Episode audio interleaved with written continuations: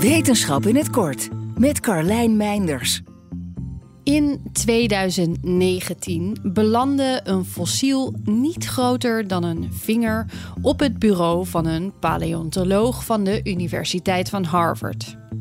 Al jaren lag het exemplaar in een la van een museum. Gevonden in het westen van Utah, dachten ze destijds dat het om een in de zee levende ongewervelde zakpijp moest gaan. Een diertje dat een verre voorouder deelt met alle gewervelden. En dus ook met ons.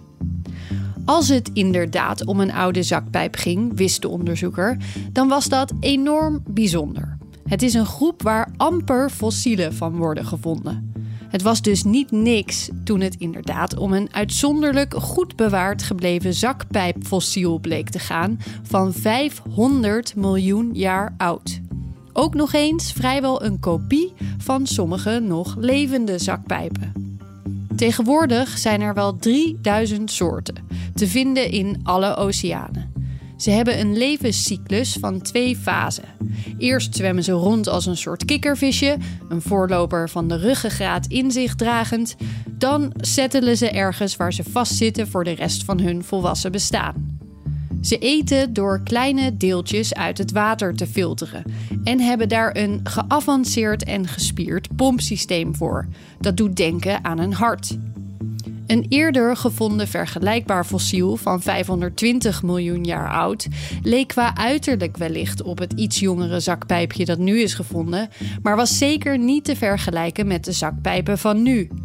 Het nieuwe exemplaar is dat zeker wel. Daarmee geeft de ontdekking nieuwe informatie over de timing en ontwikkeling van vroege zakpijpen. Als deze oerzakpijp inderdaad zowel zwom als vastzat en er van binnen vergelijkbaar uitzag als de zakpijpen van nu, dan zou daarmee het moment waarop zowel zakpijpen als alle gewervelde dieren zijn ontstaan wel eens een flink stuk kunnen opschuiven. Maar om dat zeker te kunnen zeggen, is eerst wel nog wat meer fossiel bewijs nodig. Wil je elke dag een wetenschapsnieuwtje? Abonneer je dan op Wetenschap vandaag. Spotify is partner van Wetenschap vandaag. Luister Wetenschap vandaag terug in al je favoriete podcast-apps.